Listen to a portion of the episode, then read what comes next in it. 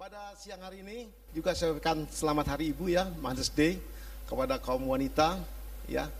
Suatu anugerah Tuhan. Pada siang hari ini juga saya banyak bicara tentang tokoh-tokoh pahlawan wanita dalam penyajian baru dan penyajian lama. Berapa wanita yang telah mendapatkan kasih karunia Tuhan secara luar biasa. Sekalipun tidak punya basic atau dasar mendapat satu karunia yang begitu mustahil di hadapan manusia. Tapi di depan Allah memungkinkan sekali. Sehingga wanita itu begitu bernilai dari seorang buangan, budak, dipermuliakan Tuhan menjadi permaisuri dalam satu kerajaan. Suatu yang luar biasa. Pada siang hari ini adalah pun tema yang akan saya sampaikan adalah God favor atau kasih karunia Tuhan. Boleh tampilkan? Ya. Itu God favor, kasih karunia Tuhan atau perkenanan Tuhan. Seringkali kita sebagai orang percaya mengartikan kasih karunia Tuhan adalah sebagai berkat-berkat jasmani saja. Berkat-berkat yang bersifat menyenangkan tubuh, bersifat-sifat bersifat yang mengandung keajaiban. Sehingga orang bisa melihat. Kalau kita mengartikan God favor atau kasih karunia atau perkenanan Tuhan sejauh hal yang bersifat materi atau bersifat yang yang menyenangkan tubuh itu adalah terlalu sempit pemikiran kita sebagai orang percaya. Sebenarnya God favor atau kasih karunia itu mengandung arti yang begitu luas, begitu uh, arti yang sangat lebar sekali. Jadi kalau kita artikan God favor hanya sebatas miracle yang sifat yang menyenangkan tubuh, mengenakan tubuh kita, atau sesuatu yang membuat orang bisa terheran-heran, ya itu adalah terlalu sempit. Dan itu pun tidak salah, itu pun benar. Tapi lebih jauh lagi pada siang hari ini kita akan belajar apa arti God favor sesungguhnya. Ya, kalau kita bisa lihat satu ayat yang terpampang di atas adalah uh, Efesus 2 ayat yang ketujuh mengatakan supaya pada masa yang akan datang ia menunjukkan kepada kita kekayaan kasih karunia yang melimpah-limpah sesuai dengan kebaikan terhadap kita di dalam Kristus Yesus. Ini adalah suratan Rasul Paulus kepada jemaat di Efesus. Jemaat yang mulai bertumbuh mengalami pertobatan. Dia katakan ketika engkau terima Tuhan, kamu akan menerima satu kasih karunia yang berlimpah-limpah di waktu yang akan datang. Ya, Rasul Paulus adalah tokoh sentral dalam perjanjian baru. Dia adalah satu uh, satu tokoh besar yang dapat menerjemahkan pengajaran Yesus secara lebih nyata, lebih jelas bagaimana pola kehidupan Kristiani yang sesungguhnya.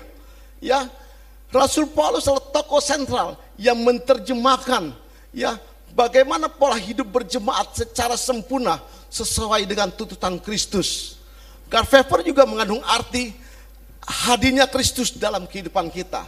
Bahkan ketika Kristus hadir dalam kehidupan kita, itu adalah anugerah terbesar dalam kehidupan kita. Amin. Ya, kehadiran Kristus dalam kehidupan kita itu adalah satu mujizat yang terbesar. Itu adalah God favor yang termulia, terbesar dan anugerah terindah. Seperti ada pujiannya, ya. Kristus hadir, Yesus hadir adalah anugerah terindah dalam kehidupan kita. Yang kedua adalah hidup favor adalah bagian dari hidup yang semakin serupa dengan Kristus. Kehidupan pembentukan Tuhan dalam kehidupan kita semakin serupa dengan Kristus itu adalah God favor. Karakter kita semakin mirip dengan Kristus. Karena itulah satu tuntutan yang Tuhan inginkan bagi kita sebagai jemaat Tuhan. Supaya karakter kita semakin mirip serupa dengan gambarannya. Semakin mirip dengan karakter Kristus. Itu juga God favor.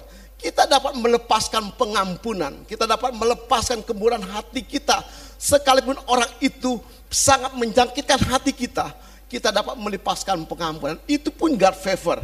Ya, kita pernah dengar seorang ibu dapat melepaskan pengampunan kepada seorang pembunuh anaknya sendiri. Anak tunggal satu-satunya, Ade Sarah. Pernah dengar Bapak Ibu kesaksiannya? Dia dapat melepaskan pengampunan orang yang telah membunuh anaknya satu-satunya. tapi Tuhan perintahkan engkau harus melepaskan pengampunan. Itu pun adalah God favor.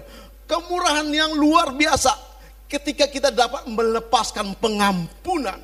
Orang yang telah membunuh anak kita satu-satunya. Semata wayang. Secara kemanusiaan itu tidak mungkin. Itu juga adalah God favor. Itulah kasih karunia Tuhan. Ketika kita menghadapi sakit penyakit yang tidak kunjung disembuhkan. Menurut orang, oh itu mereka kesalahan, melakukan kesalahan kepada Tuhan. Tapi di tengah-tengah sakit penyakit tidak pernah kunjung dapat sembuh. Dia selalu mengucap syukur. Ada ucapan syukur dalam hatinya itu. Itu pun suatu mujizat Tuhan. Itu ada satu God favor yang Tuhan izinkan kepada kita.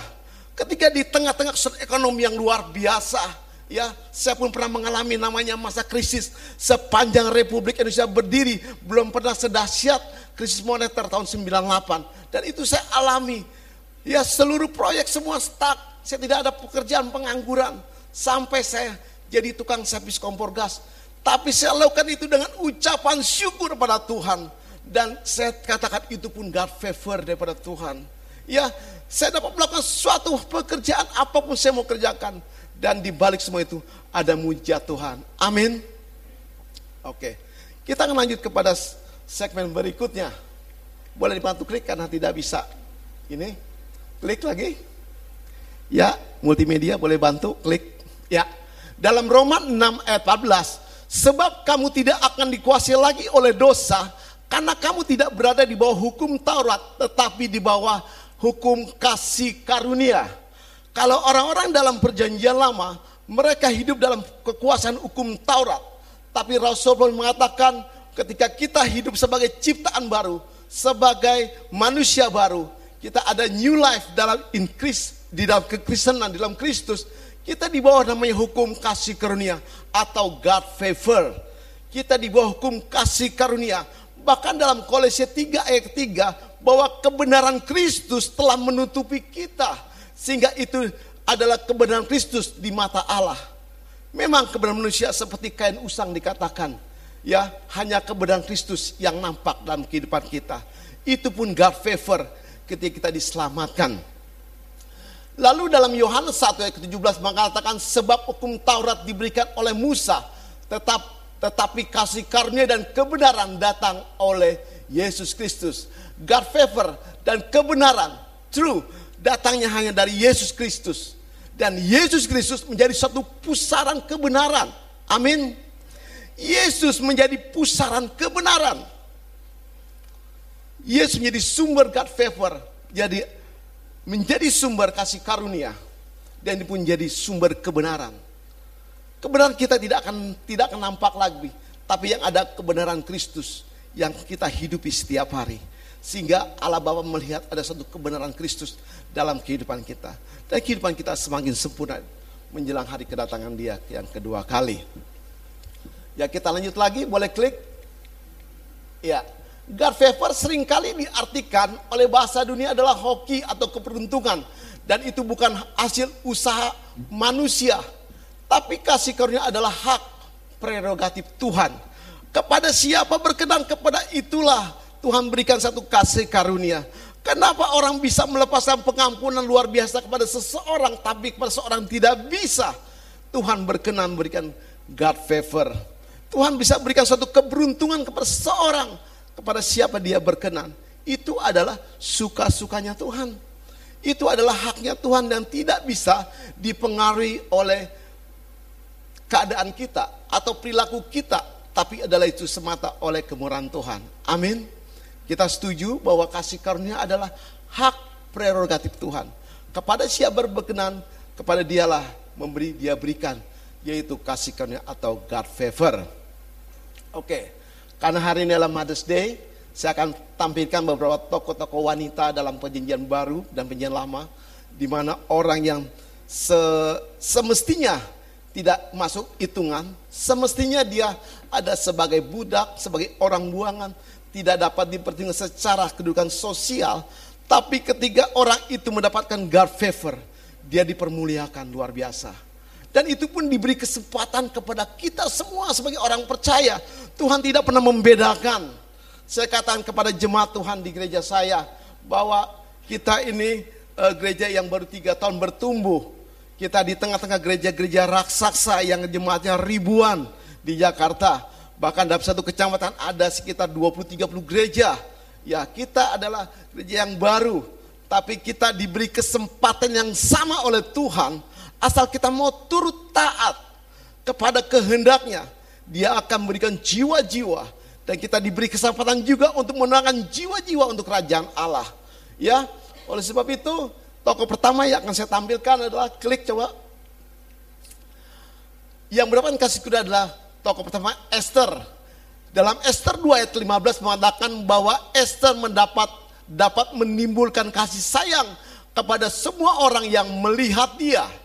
Dalam Esther 2 ayat 17 juga dikatakan bahwa orang merasakan ada suatu uh, dia mendapat kasih karunia sehingga dia dapat terpilih menjadi menjadi ratu mendirikan ratu Wasti. Ya, kita lihat daripada uh, kedudukan sosial daripada Esther. Esther adalah daripada daripada orang buangan sebagai budak Israel. Tapi God favor itu unik, tidak bisa disamakan dengan hoki atau keberuntungan semata. Di mana God favor terkandung ada unsur kepentingan Tuhan. Amin. Di mana God favor diberikan pada seorang, God favor itu juga mengandung kepentingan Tuhan. Tuhan ada kepentingan di dalam orang itu. Ya, God favor juga mengandung nilai-nilai impartasi, nilai-nilai kekekalan. Yang di mana tidak bisa stop pada dirinya sendiri. Itulah God favor. Itulah kasih karunia.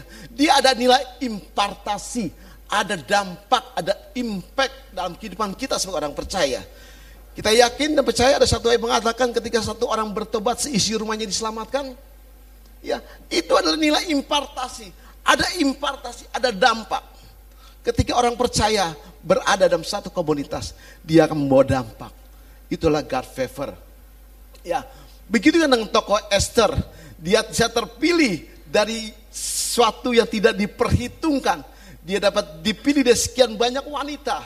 Dan kita ingat kembali ada kepentingan Tuhan dalam kehidupan Esther, di mana uh, umat Tuhan, orang-orang Yahudi akan di dianiaya, dibantai, ya tapi dapat info dari Mordekai, yaitu sang paman. Dia kasih tahu ke Esther dan Esther memperjuangkan keselamatan umat Tuhan, yaitu bangsa Israel.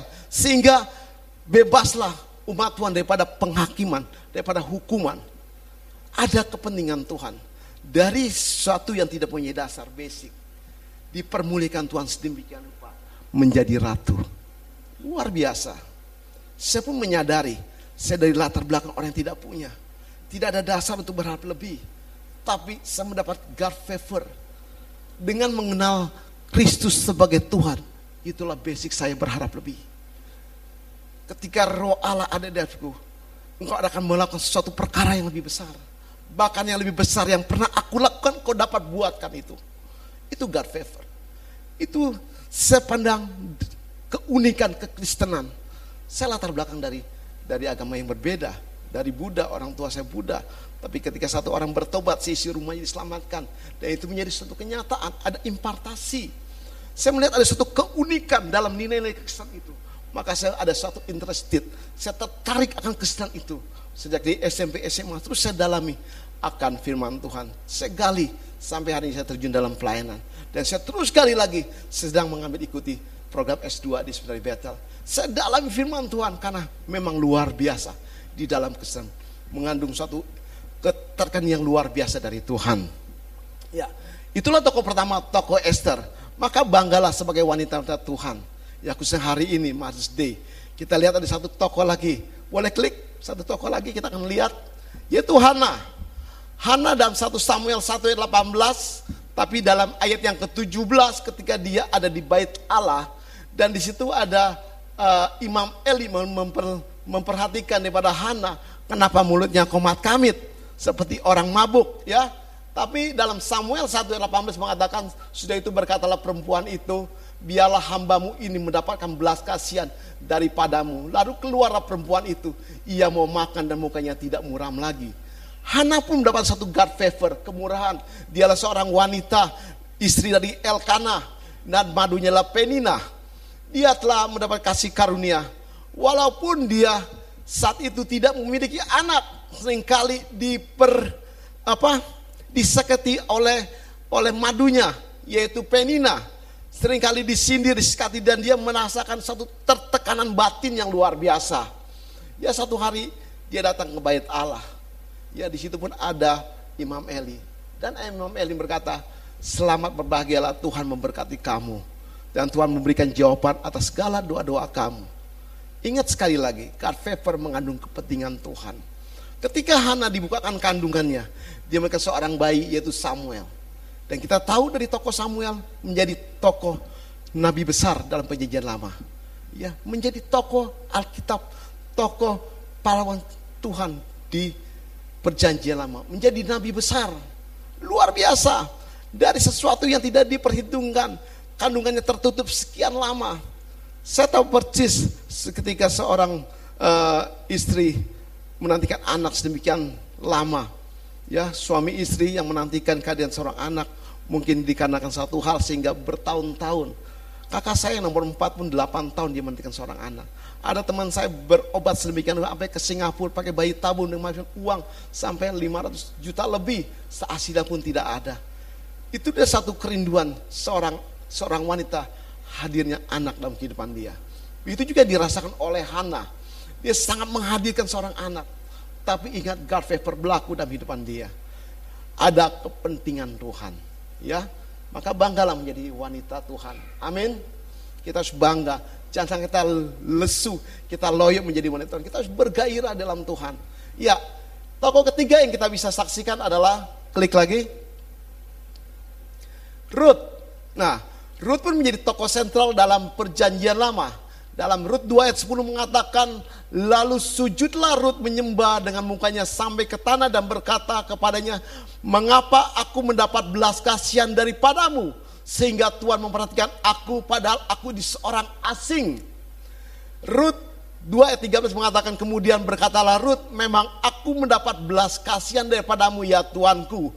Sebab Tuhan telah menghibur aku dan telah menenangkan hati hambamu ini walaupun aku tidak sama seperti salah seorang hambamu perempuan. Kita tahu tokoh sentral wanita ini. Dia adalah dari bangsa kafir, bangsa Moab. Dia hidup dengan dengan uh, mertuanya Naomi dan ketika dia kehilangan mert, papa mertuanya dan suaminya dan juga uh, iparnya ya dia menyatakan mengikut Orpa dan Ruth adalah mantu daripada Naomi. Ketika dia Naomi akan kembali ke Bethlehem karena didengarnya Tuhan telah memberkati kota itu. Bethlehem adalah kota roti. Dia ingin kembali ke negerinya lagi. Ya dari Moab akan kembali ke Bethlehem. Lalu Naomi mengatakan kepada kedua mantunya, biarlah engkau kembali kepada bangsamu, engkau kembali kepada kepercayaanmu, engkau kembali kepada sanak saudaraku, saudara-saudaramu. Aku tidak punya anak laki-laki lagi, mana mungkin aku melahirkan lagi, mana mungkin kamu menunggu sekian lama untuk saya melahirkan seorang anak laki untuk bagi kamu. Biarlah engkau kembali lagi. Akhirnya mantu yang satu kembali ke tanah Moab, tapi Ruth punya nilai komitmen yang tinggi. Dia dari bangsa kafir, tidak ada dasar mendapat kasih karunia. Tapi saya yakin percaya dia dididik secara dekat oleh Naomi sebagai orang percaya. Sehingga ada deklarasi iman yang disampaikan oleh Ruth. Alamu adalah alaku, bangsamu adalah bangsaku. Itu adalah deklarasi, declare iman, fight dia bahwa dia ada nilai kepercayaan. Naomi begitu begitu uh, jelas mendidik mantunya di dalam Tuhan sehingga sehingga Ruth mengerti akan kebenaran firman Tuhan. Maka dia tidak mau kembali ke kepercayaan lamanya. Dia mau menuju kepada kepercayaan yang, di, yang dipegang oleh mertuanya yaitu Naomi. Kita tahu perjalanannya sehingga dia sampailah ke sampai ke Bethlehem dia dipertemukan dengan seorang yang kaya raya yaitu Boas menjadi istri Boas ya dan dari perkawinan itu timbullah keturunan jadi Obed dan selanjutnya keturunan itu lahirlah sang juru selamat luar biasa Ruth dari bangsa asing, bangsa yang tidak mengenal Tuhan, tapi dia punya deklarasi iman yang begitu luar biasa, menjadi tokoh sentral dalam perjanjian lama Dia mengatakan bangsamu adalah bangsaku, Allahmu adalah Allahku. Itu luar biasa. Yang tidak bisa dipisahkan, dia pegang erat. Ya, situasi kondisi tidak membuat dia goyah. Dan kepercayaan dia mengangkat namanya tercantum dalam silsilah Tuhan Yesus. Kalau Bapak Ibu baca dalam Matius silsilah Tuhan Yesus, biasanya kan kalau silsilah nama Bapak dicantumkan ya. Nama Bapak. Tapi ketika menyentuh nama Boas, nama istrinya dicantumkan di situ. Ruth tercantum menjadi salah satu silsilah urutan silsilah Tuhan Yesus Kristus. Sang penyelamat, juru selamat kita. Luar biasa. Tidak pernah dibayangkan oleh Ruth sendiri kalau namanya tercantum dalam Alkitab, dalam kitab Matius. Ya, itu tokoh sentral dalam perjanjian lama. Bangsa kafir tidak mengenal Tuhan, tapi dia mendapatkan kasih karunia. Ya, yang terakhir adalah tokoh yang keempat. Boleh klik lagi? Ya, klik. Yaitu adalah tokoh Dorcas. Ya, tokoh Dorcas. Inilah tokoh perjanjian baru zaman Rasul Petrus. Ketika yaitu dalam kisah Rasul 940 mengatakan tetapi Petrus menyuruh mereka dan semua keluar lalu ia bertelutut dan berdoa. Kemudian ia berpaling ke mayat itu dan berkata, Tabita, bangkitlah dan lalu Tabita membuka matanya dan melihat Petrus. Ia bangun lalu duduk. Dorcas, Dorcas adalah nama lain dari Tabita. Dan uh, Dorcas adalah dari bahasa Yunani. Dia mendapatkan God favor, dia disembuhkan dari penyakitnya. Dialah seorang yang baik hati sering bersedekah dikatakan dalam Alkitab. Dia mendapatkan God favor, dia disembuhkan. Nah kita klik lagi karena waktu berjalan terus tinggal 10 menit lagi. Ya klik kasih karunia bagi orang percaya itu dalam episode 2 ayat 8 sebab kasih karunia kamu diselamatkan oleh iman dan itu bukan hasil usahamu tetapi pemberian Allah. Dalam Roma 3:24 mengatakan oleh karena kasih karunia kamu dibenarkan dengan cuma-cuma karena penebusan di dalam Kristus Yesus. Jadi kita dibenarkan oleh karena kasih karunia Tuhan, bukan karena usaha kita, bukan karena kita uh, cantik atau ganteng atau kita pandai main musik pindah pandai WL tidak, tapi karena kasih karunia Tuhan kita dibenarkan. Kebenaran Kristus yang nampak ketika kita menghadap tata pengadilan Kristus. Ya boleh klik lagi bagaimana caranya kita akan mendapatkan kasusnya itu. Ada enam poin yang saya akan jelaskan secara singkat. Boleh klik lagi? Ya. Bagaimana kita memperoleh kasih karunia agar kasih itu bisa kita dapati dan kita dapat mencuri perhatian daripada Tuhan. Kita menjadi pusat perhatian Tuhan. Bagaimana hal itu bisa berlaku dalam kehidupan kita? Pertama adalah menempatkan Kristus sebagai Tuhan. Dalam 1 Petrus 3 ayat 15 amanahkan tetapi kuduskanlah Tuhan, kuduskan Kristus di dalam hatimu sebagai Tuhan bukan sebagai penolong biasa, tapi sebagai Allah, sebagai Tuhan kita tetapkan Kristus dan kita tidak pernah menggeser kepercayaan itu. Biarlah suami kita atau istri kita tidak pernah menggeser kedua Kristus. Kita tidak pernah membermalakan manusia, bahkan kita anak kita atau bahkan pekerjaan kita. Kita sering kali eh, lebih mengutamakan pekerjaan kita daripada kita mengerti firman Tuhan. Oleh itu biarlah jangan pernah sampai menggeser kedudukan Tuhan dalam kehidupan kita. Berapa banyak karena pekerjaan, sibuk. Saya mengatakan pada kakak saya nomor empat, dia punya bidang usaha, bidang printing cukup besar. Dia kerja sampai jam 2, jam 3 pagi. Saya katakan jangan sampai karena pekerjaan kamu tidak sampai bisa baca Alkitab. Dia bilang hanya engkau yang berani bicara keras seperti itu. Saya bilang, saya mengatakan itu karena apa? Kebenaran Tuhan. Dia ucapkan terima kasih. Kita harus menempatkan Kristus sebagai Tuhan dalam kehidupan kita. Itu yang pertama. Yang kedua, ada waktu berjalan terus. Mengakui adanya ikatan perjanjian. Ketika kita percaya, kita diangkat dan kita diadopsi sebagai anak-anak Allah. Amin. Kita sebagai anak-anak Allah, sesuatu ikatan yang tidak bisa diingkari lagi. Dan Tuhan pegang ikatan itu. Dan kita akui bahwa kita adalah anak-anak Allah. Dalam satu Yohanes 1 12 mengatakan, tetapi semua orang yang menerimanya diberi kuasa menjadi anak Allah, yaitu mereka yang percaya dalam namanya. Ayat yang Galatia 3, 26 mengatakan sebab kamu semua adalah anak-anak Allah karena iman di dalam Yesus Kristus. Sehingga kita punya satu hak. Ketika kita menjadi anak, kita menerima jadi menerima hak, yaitu hak ahli waris kerajaan Allah. Kita menjadi ahli waris kerajaan Allah. Oleh sebab itu biarlah kita tidak punya mental sebagai orang yang tidak tidak memiliki ahli waris. Kita harus punya mental sebagai anak Allah. Jangan mental pecundang pekalah. Melihat situasi kondisi kita sudah menyerah, menggeser kepercayaan kita pada kepada kepercayaan yang lain. Jangan sampai biarlah hal itu menjadi yang melekat dalam kehidupan kita kita akui bahwa aku adalah anak Allah. Oleh sebab itu kita harus hidup punya gaya sebagai anak-anak Allah. Ya, oke.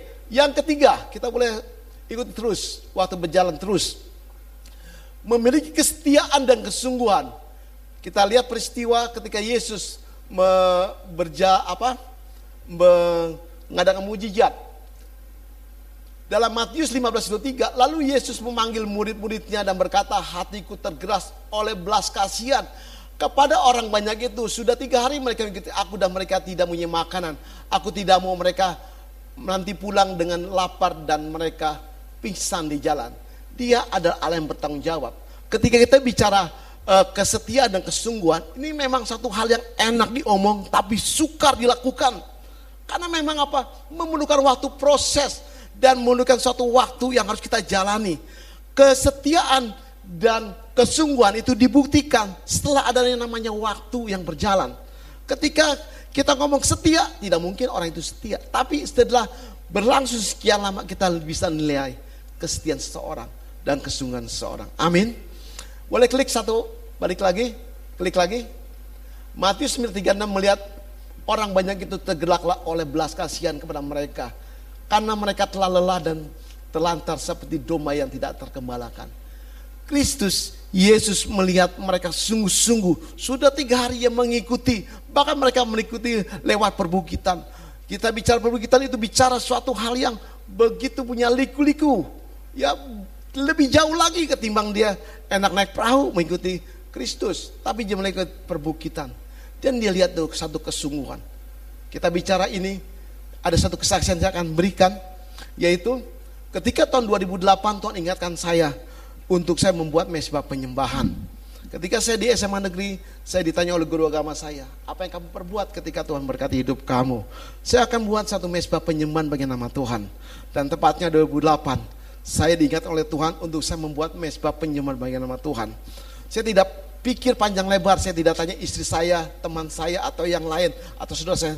Tidak, saya katakan, yes Tuhan, saya akan membuat mesbah penyembahan. Bagaimana saya akan memulai? Saya akan memulai dengan mengadakan suatu mesbah penyembahan dengan doa semalaman yaitu jam 10 malam sampai jam 4 pagi. Hanya untuk apa? Menyembah Tuhan dan menyembah Tuhan. Sesuatu yang sangat ekstrim dikatakan oleh beberapa orang. Tapi saya punya komitmen Tuhan biarlah nama Tuhan dimuliakan. Karena saya punya keyakinan sesuai dengan kebenaran Tuhan ketika Allah dimuliakan, ketika Allah ditinggikan, ketika Allah diagung-agungkan dalam satu komunitas, dalam satu keluarga, dalam satu pribadi, dia akan hadirkan karyanya. Amin. Dia akan hadirkan karyanya ketika hidup kita memulihkan Allah.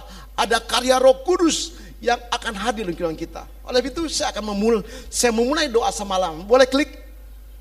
Inilah doa semalaman. Saya mulai dari jam 10 malam sampai jam 4 pagi saya merasakan saya dapat God favor, kasih karunia Tuhan. Berdoa semalam-malaman. Seperti tadi WL mengatakan, seperti bahwa Yesus mengatakan rumahku disebut rumah doa. Bukan rumah orang uh, bercakap-cakap, tapi rumahku disebut rumah doa. Api doa tidak boleh padam sedikit pun harus diteruskan. Dan api doa itu harus menyala, tidak boleh tidak. Itu dikatakan oleh WL bahwa rumah Tuhan disebut rumah doa bukan kita rumah nampang, tapi rumah doa. Api doa ditegakkan. Oleh itu biarlah uh, saya memulai doa semalam itu dan ini satu awal pelayanan saya 2008 sampai hari ini. Dan saya beritia di, di depan jemaat Tuhan. Biarlah doa semalam ini sampai Kristus Yesus datang kedua kali. Kita terus doa, doa, doa. Setiap bulan saya akan doakan. Saya marah doa semalaman ini. Dan akhirnya klik lagi. Dan inilah tim dalam tim pengembalaan kami. Ya, Tuhan kirimkan orang-orang yang yang cinta Tuhan bergabung dan pelayanan musik WL dan semuanya Tuhan limpatkan Ya, saya bersama dengan Bapak Gembala Pak Frank Hilman dan ini saya dan istri Ibu Gembala dan ini istri saya. Dan inilah seluruh tim pengembalaan sampai hari berjalan. Dan Tuhan tambahkan bilangan-bilangan orang percaya, khususnya mereka yang dari kepercayaan berbeda. Puji Tuhan, karena Kristus dimuliakan ada karya Roh Kudus. Amin. Boleh klik lagi. Kita lanjut lagi, dua menit lagi. Yaitu memiliki keintiman.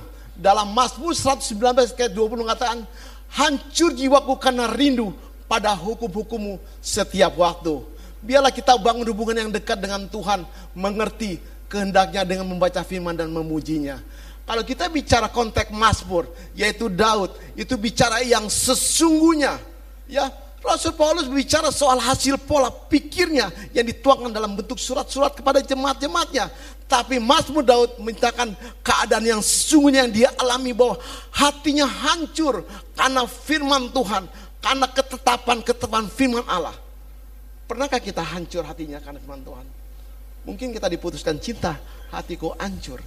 Tapi pernahkah karena firman Tuhan? Waktu itu biarlah kita ada pespa doa.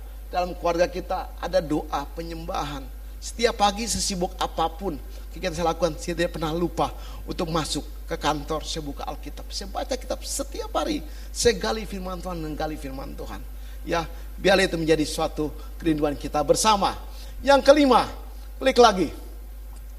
Kita jangan lupa pegang janji Tuhan. Apa yang Alkitab janjikan, apa yang firman Tuhan janjikan, kita pegang terus. Jangan pernah kita lupakan. Adapun Allah jalannya sempurna, janji Tuhan adalah murni. Dia menjadi perisai bagi orang, semua orang yang berlindung padanya. Waktu kita mengerti janji Allah dalam hidup kita, semakin kita memiliki dasar untuk berharap miliki hidup seindah janji Tuhan untuk hidup kita. Janji Tuhan jangan pernah kita laku, kita lupakan, kita pegang. Itu dasar kita mengklaim apa yang Tuhan janjikan sehingga kita mendapatkan God favor kasihkan Tuhan. Biarlah perkaya hidup kita dengan janji-janji Allah yang luar biasa. Kadang-kadang kita lupa bahwa Allah kita menjadikan sesuatu kita lupa, kita pernah tahu. Kenapa? Kita tidak pernah tahu janji Tuhan. Dan yang terakhir, klik lagi yang terakhir. Ya, Inilah satu bagaimana kita dapat mendapatkan God favor. Bagaimana kita kita harus menerima dan memperkatakan yang baik.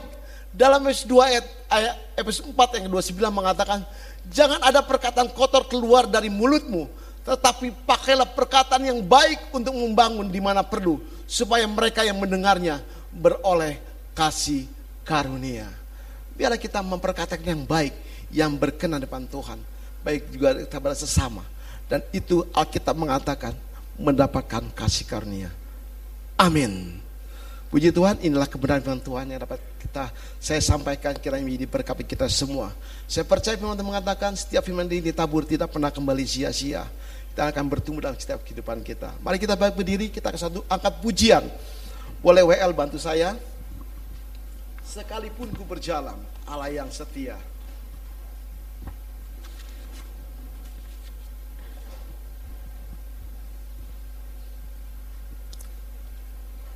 Sekalipun ku berjalan. Ya, musik di mana? Musik.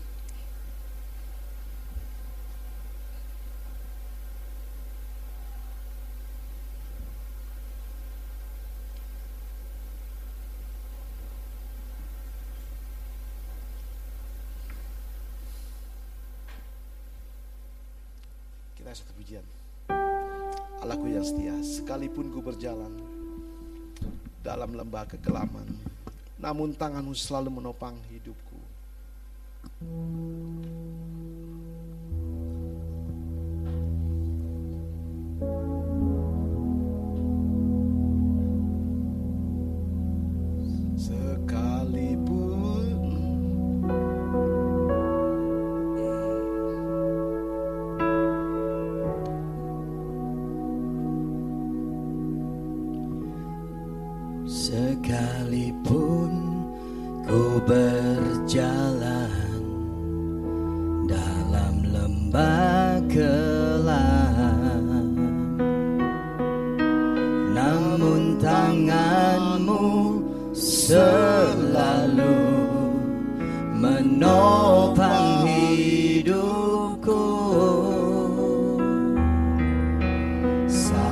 crocodile.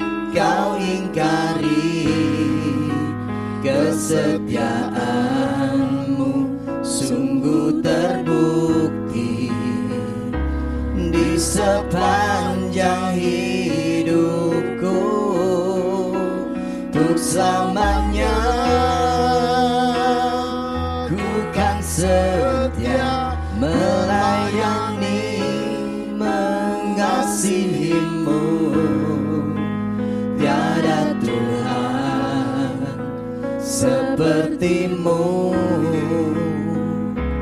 kau Allahku yang setia Biarlah kita tundukkan kepala, kita merenungkan apa yang firman Tuhan telah katakan. Biarlah kita selalu mengakui dan menempatkan Kristus sebagai Tuhan dalam kehidupan kita.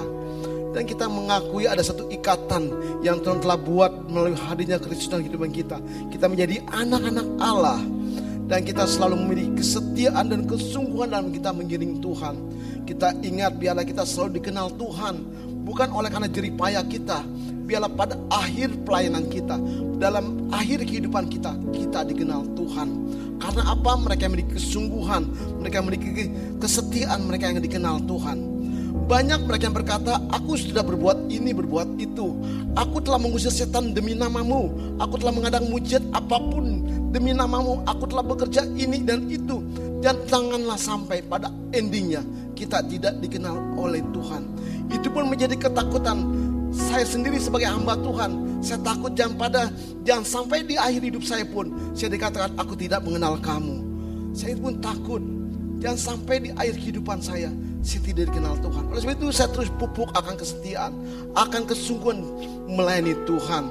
Yang keempat adalah kita bina keintiman. Kita satu intim erat melalui apa? Melalui penyembahan dan doa. Hendaklah kita menaruh pikiran dan perasaan Kristus dalam kehidupan kita. Yang kelima adalah kita tetap pegang janji Tuhan. Biarlah kita perkaya hidup kita dengan apa? Dengan kita memperkaya dengan janji-janji Tuhan yang begitu agung dan mulia. Janji Tuhan ya iya dan amin. Yang terakhir biarlah kita memperkatakan yang baik. Yang menjadi berkat bagi orang lain. Yang mendengar, yang menyaksikan tentang hidup kita. Orang lain diberkati. Mari kita berdoa. Tuhan terima kasih atas segala perkenanan Engkau. Kami dapat mendengarkan kebenaran firman Tuhan. Kami bersyukur Tuhan kiranya firman tidak pernah kembali sia-sia. Tuhan meteraikan dan kuasa firman dan kuasa roh kudus dan akan tumbuh dalam kehidupan kami. Terima kasih Bapa, hanya di dalam nama Tuhan Yesus kami berdoa syukur. Haleluya. Ya semua yang percaya sesama katakan amin.